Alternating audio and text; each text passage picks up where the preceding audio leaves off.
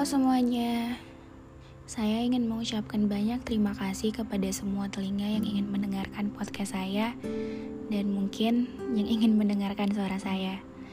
Terima kasih untuk tetap mendengarkan dan tidak pernah bosan untuk menantikan podcast-podcast saya. Selamat mendengarkan. Jadi, hmm, kali ini kita akan bahas tentang denger dulu aja deh nanti juga bakal paham. Um, kalian pernah gak sih ada di posisi yang sebenarnya udah baik-baik aja? Sebenarnya tuh nggak ada apa-apa.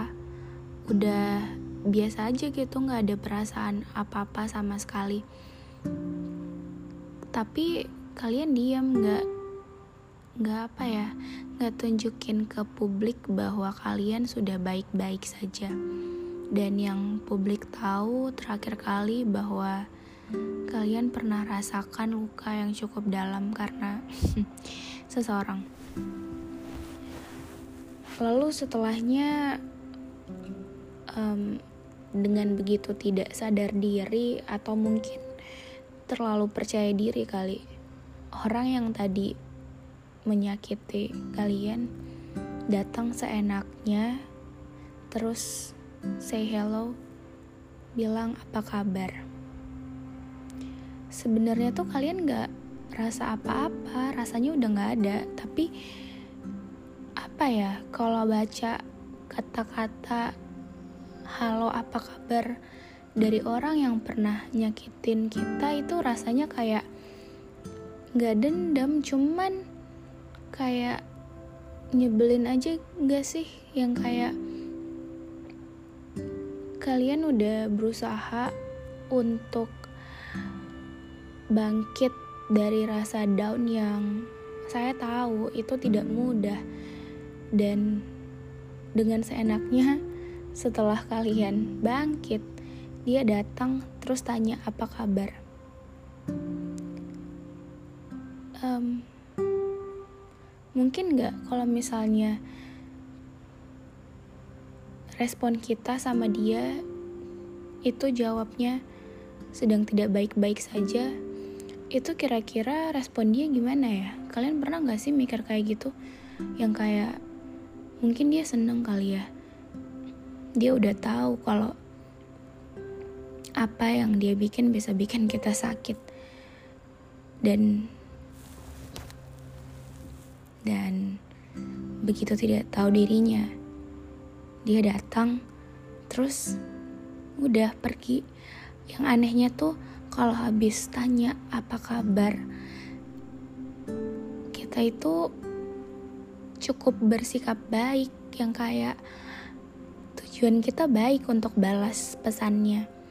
Tujuan kita ya semata-mata hanya untuk jalan silaturahmi. Tapi seiring berjalannya waktu eh yang hilang malah dia. Terus parahnya ada beberapa orang yang sangat tidak tahu diri. Dia malah cerita ke orang-orang tentang hal-hal yang kurang baik dari kita. Gimana ya? Nggak semua hal harus ditanyain kan? Kadang kita cukup diam aja gitu nggak usah sebar ke publik. Ya ya gimana? Kitanya sudah baik dianya nanya kabar. Kayaknya kalau semuanya sudah baik-baik saja tidak ada perlu kata apa kabar di antara kita karena yang kamu lihat di media sosial ya kita sudah baik-baik kita cukup baik tanpa ada kamu gitu loh. Jadi um, bagi kalian siapa pun yang dengar ini terus merasa pernah menyakiti orang itu tolong gak usah ditanya kabarnya apa kabar. Gak usah. Cukup doain aja dia baik-baik gitu. Karena dengan kalian tanya dia apa kabar itu kayak hmm, kembali merobek luka yang lama gak sih?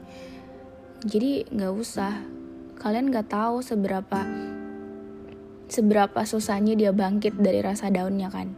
Kalian gak tahu hal-hal apa yang udah dia korbanin untuk bangkit. Jadi nggak usah tanya apa kabar.